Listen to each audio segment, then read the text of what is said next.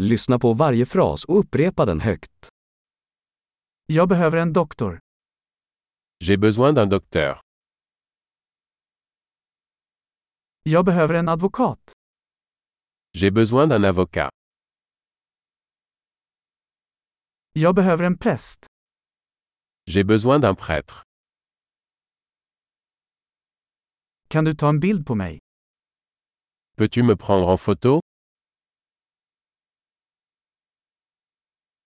Kan du göra en kopia av detta dokument? Pouvez-vous faire une copie de ce document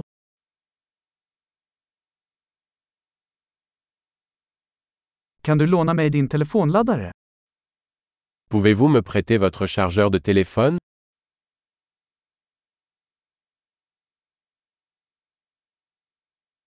Kan du fixa detta åt mig? Pouvez-vous m'aider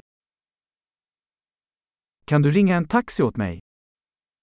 Pouvez-vous m'appeler un taxi Kan du ge mig en hand? Pouvez-vous me donner un coup de main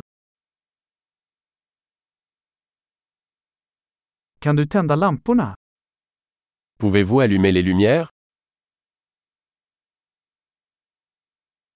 Kan du släcka lamporna? Pouvez-vous éteindre les lumières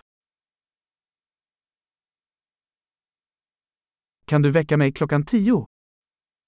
Peux-tu me réveiller à 10 heures Kan du ge mig några tips? Peux-tu me donner quelques conseils Har du en penna? As-tu un crayon Får jag låna en penna? Puis-je emprunter un stylo Kan du öppna fönstret? Peux-tu ouvrir la fenêtre Kan du stänga fönstret? Peux-tu fermer la fenêtre Vad heter wifi-nätverket? Quel est le nom du réseau Wi-Fi Vad är wifi-lösenordet? Quel est le mot de passe Wi-Fi